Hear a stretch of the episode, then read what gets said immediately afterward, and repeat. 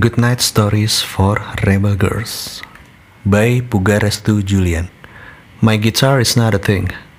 It is an extension of myself. It is who I am. Joan Jett.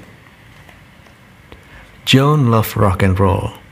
One Christmas, when she was 13 years old, she got her first guitar. She was ecstatic, but something was missing. Playing on her own was okay, she thought. But if I really want to be a rock star, I need a band. One year later, she had her band together.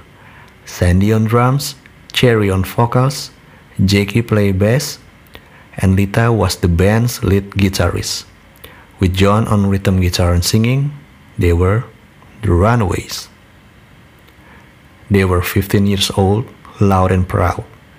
On stage, Joan always wore a red leather jumpsuit, and Cherie often came on in nothing but her underwear.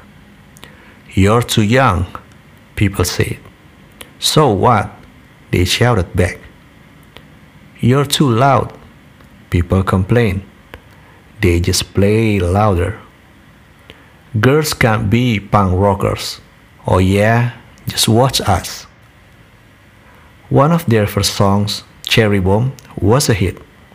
Their second album, Queens of Noise, became a sensation in Japan. It wasn't always easy though.